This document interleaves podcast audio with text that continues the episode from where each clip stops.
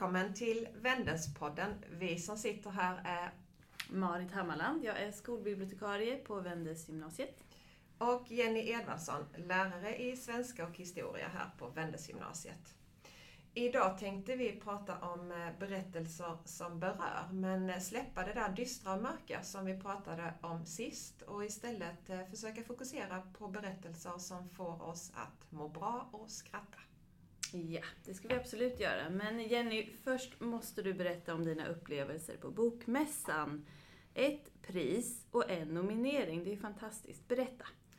Ja, smått galet faktiskt. Jag var uppe på Bok och bibliotek här nu i eh, slutet av förra veckan. Och då visade det sig att jag fick eh, AMI-priset, ett eh, tillgänglighetspris som delas ut av Myndigheten för tillgängliga medier. Och sen så offentliggjordes det också att jag är en av tre finalister till Guldäpplet. Det är ju ett lärarpris kopplat till digitalisering. Så väl på mässan så hade jag ju bockat i massa sådana här seminarier och eh, författare och så som jag skulle gå och lyssna på. Men när jag väl kom upp så blev det ju lite annorlunda. Det blev intervjuer, inspelning i Lärarpodden, det blev inspelning till Lärlabbet som kommer att sändas på YR så småningom. Och så blev det också lite så här fotosession. Spännande. Men jag hann gå på en del i alla fall och lyssna på eh, några författare och, och det var ju jättebra. Jag inriktade mig framförallt på sånt som handlar om skola. Till exempel Göran Svanelid som eh, har skrivit om eh, de här fem förmågorna. Det var mycket intressant. Men vi kanske inte ska prata om mässan här. Det är ju inte det som är i fokus. Vi ska ju prata om berättelser som berör. I förra podden så pratade vi om eh, Niklas Kristoffer. Han skulle ju till eh, Kristianstad bokfestival och prata för gymnasieeleverna. Hur gick det Marit? Jo, det är så roligt för att eh, Niklas Kristoffer då, han mejlade till Magdalena Jeppsson som är bibliotekarie på barn och unga på Stadsbiblioteket i Kristianstad. Och han berättar där i sitt mejl att han har fått så fint gensvar från eleverna som var där och lyssnade. Och det han tyckte var extra speciellt då, det var att det var många killar som skrev och ville prata kring något så tråkigt såklart som eh, matmissbruk, men ändå. Och att han känner att han kan få hjälpa de killarna då och eh, skicka dem vidare till experter så att de får hjälp. Oftast är det ju tjejer som skriver i det här, men nu eh, hade han även nått fram till killar och det tyckte han kändes bra.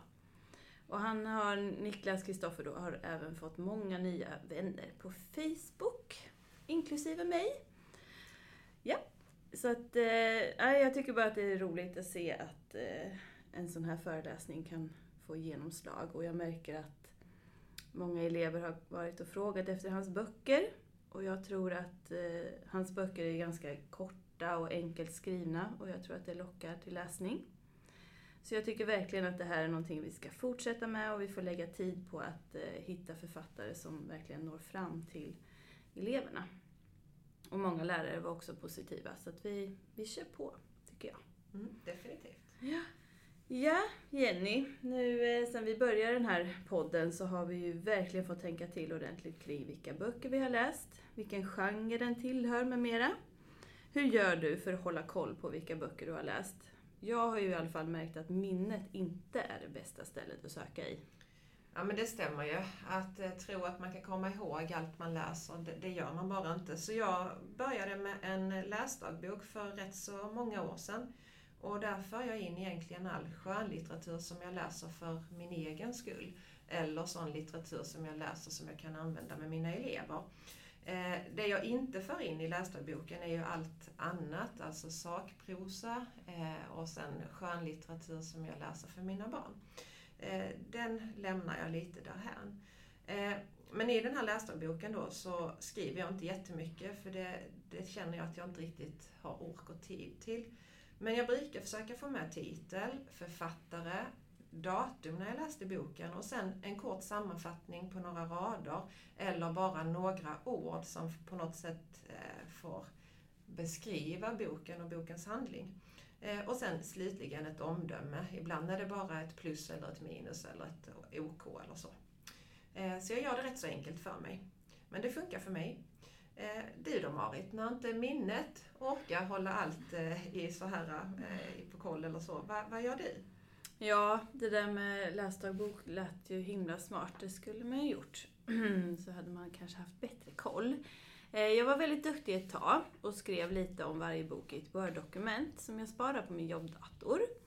Det har tyvärr försvunnit i någon uppdatering av något slag, så där får jag ju ingen hjälp.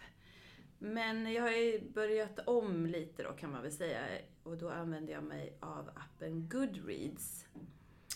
Eh, som jag fyller i vilka böcker jag har läst. Eh, försöker skriva någon kommentar också så att jag har någon koll på vad det är för typ av bok och vad jag tyckte. Eh, jag brukar också mata in böcker som jag vill läsa, för det glömmer man ju också lätt bort.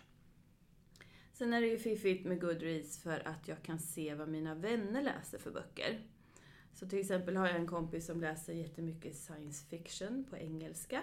Och det är ju titlar som jag absolut inte skulle komma i kontakt med vare sig i mitt jobb eller annars. Så jag får ju dessutom mycket input från Goodreads. Så det kan jag verkligen rekommendera. Ha Jenny, har du några tips på böcker som får dig att skratta? Det är ju faktiskt så att det är så olika vad man tycker är roligt. Och som bibliotekarie då så är det ju jättesvårt när eleverna kommer och säger jag vill ha en rolig bok. Ja, då är det ju svårt för mig att veta vad eleven tycker är roligt. Så då hamnar man ofta i det här samtalet kring vad eleven har läst innan och vad hen tycker är roligt. Eh, jag försöker kanske referera till någon TV-serie så att man kan eh, smala in vilken typ av humor eleven har och sen försöka hitta någonting som kan passa. Eh, låt höra Jenny, vad har du läst för bok? Ja, alltså jag kollade ju i min läsdagbok nu då när vi skulle fundera lite över böcker som är roliga och jag inser ju att jag läser nog inte jättemycket roliga böcker utan jag hamnar i, i lite andra genrer istället. Men några kan jag väl nämna. Eh, jag läste rätt så nyligen den här boken Den fantastiska berättelsen om fakiren som fastnade i ett IKEA-skåp och försvann. Väldigt lång titel. Eh, och kollar jag läste i boken så har jag skrivit att eh, den här var varm och rolig. Och egentligen så är det en rätt så galen historia. Det handlar om en fakir som eh, åker till eh, IKEA i Paris för att köpa sig en säng. Men av olika anledningar så blir han kvar på det här eh, IKEA-varuhuset på natten, instängd i ett skåp. Och det är liksom början på en eh, lång resa på, ut på villovägar verkligen. Och berättelsen utspelar sig under nio dagar. Och den här huvudpersonen, fakiren då, han får ju vara med om hur mycket saker som helst under de här nio dagarna. Och de flesta människor hinner inte ens med en bråkdel under hela sin livstid. Så det är mycket möten, det är mycket eh, fördomar, det är mycket skratt. Så ja, den kan jag rekommendera. Eh, sen har jag också läst en annan eh, rolig bok eh, och det är Född fenomenal av Josefin Bornebusch. Född fenomenal är en ungdomsroman skriven i dagboksform. Och i centrum i den här boken så finns Rut. Det är en kaxig, självsäker tonårstjej som är helt besatt av Anne Frank och andra världskriget. Ehm, och som en kontrast till Rut så har vi då Ruts klasskompis Magda som enligt Rut är översexuell, om han nu kan vara det. Allt handlar om sex och snusk och så, när det handlar om Magda. Och den här dagboken som Rut skriver då, där skildrar hon ju sin vardag. Och det som är lite roligt då med boken, det är att hon hela tiden har tankar och synpunkter eh, kring allt och alla. Och ofta så kopplar hon in andra världskriget eh, eller Anne Frank eh, kring sina kommentarer och så. Eh, och jag tänkte jag skulle läsa ett eh, kort stycke. Och det är när eh, Rut sitter i skolan, de har biologi och pratar om djur. Och rätt så snart så far Ruts tankar iväg och hon börjar ju kategorisera in sina klasskompisar då i den här djurvärlden. Så klasskompisarna får olika djurroller. Och så här låter det då.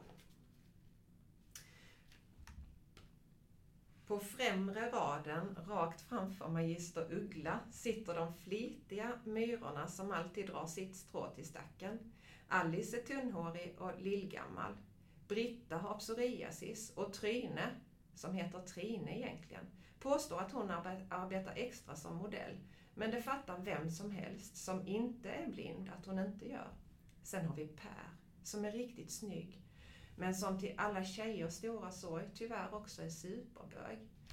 Tur för honom att han inte levde under andra världskriget. Då ansåg tyskarna att homosexuella äventyrade det tyska folkets födelsetal och därför skulle döden dö.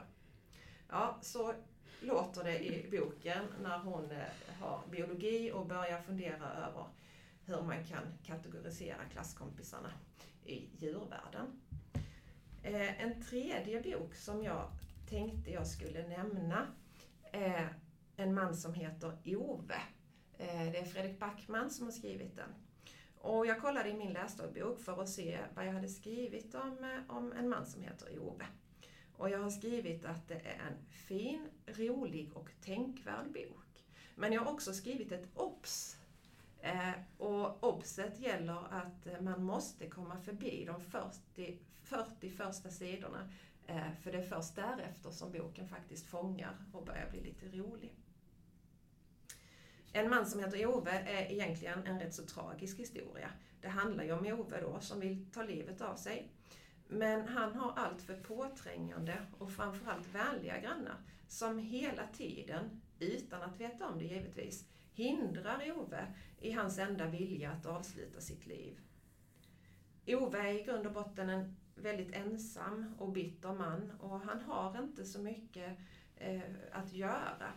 Och det har gjort att han har börjat försöka styra upp sin omgivning så att den passar in i, i det som han tycker är rätt och fel. Eh, varje morgon så börjar han till exempel med att gå sin vaktrunda för att se till att allt står rätt till och att ingen gjort något som han tycker är felaktigt. Ehm, så han har liksom eh, bestämt sig lite och också det här kategoriserat in eh, saker och ting i rätt och fel. Men det är en varm bok och kommer man förbi de 40 första sidorna så är den klart läsvärd. Men Marit, det här Fredrik Backman, han har ju skrivit en del andra böcker och visst hade du läst någon av honom? Ja, eh, det är eh, boken som heter Britt-Marie var här eh, Fredrik Backmans senaste bok. Och det här med att saker ska stå rätt till, det är ju ledordet i Britt-Maries liv. Britt-Marie är 63 år, huvudpersonen i boken, och hon klarar av alla motgångar i livet genom att städa och lägga saker på sin plats. Kan känna igen mig lite där också. Mm. Eh, berättelsen om, eh, eller hon använder sig av bikarbonat och hennes älskade fönsterputsmedel Faxin och de här medlen då, de bär henne genom ångesten. Och berättelsen om Britt-Marie är också tragisk och vemodig, men ändå så skrattar jag när jag läser, för Fredrik Backman uttrycker sig så kolossalt roligt. Och ett exempel då, jag ska läsa lite ur boken, eh, det kräver lite bakgrund. Britt-Marie har varit hemmafru i hela sitt liv, men omständigheter gör att hon hamnat i lilla samhället Bro, Plus att hon blir fotbollstränare för ett gäng ungar. Trots att hon avskyr fotboll och kan ingenting om sporten heller. Så hennes första träning klarar hon av tack vare en storebror till en av ungarna. Och så här låter det efter att Britt-Marie har låtit laget springa idioten halva träningen. Brorsan heter Sami. Äh, du vet. De har sprungit och nu vill de spela. Ge dem ett peptalk och kasta in bollen bara. Ett peptalk, upprepar Britt-Marie. Något uppmuntrande, förtydligar Sami. Britt-Marie tänker efter ett slag, vänder sig mot barnen och säger så uppmuntrande hon förmår. Försök att inte smutsa ner er. Och det är så galet, galen kommentar. Dels i fotbollssammanhang och överhuvudtaget när unga ska göra någonting roligt. Mm. Men efter att ha lärt känna Britt-Marie liksom genom boken, innan det här utspelar sig, så förstår man den här kommentaren så väl. Alltså håller man sig hel och ren så mår man bättre helt enkelt. Det är ju hennes grej liksom. Och sen går ju inte det här att överföra till allt i livet. Och det är väl det som människorna i Bro sakta men säkert håller på att lära Britt-Marie. Och det ska ju också nämnas att det sociala samspelet är ju inte Britt-Maries starkaste sida. Och det ger ju också väldigt roliga situationer. Och sorgliga, ska jag säga. Mm.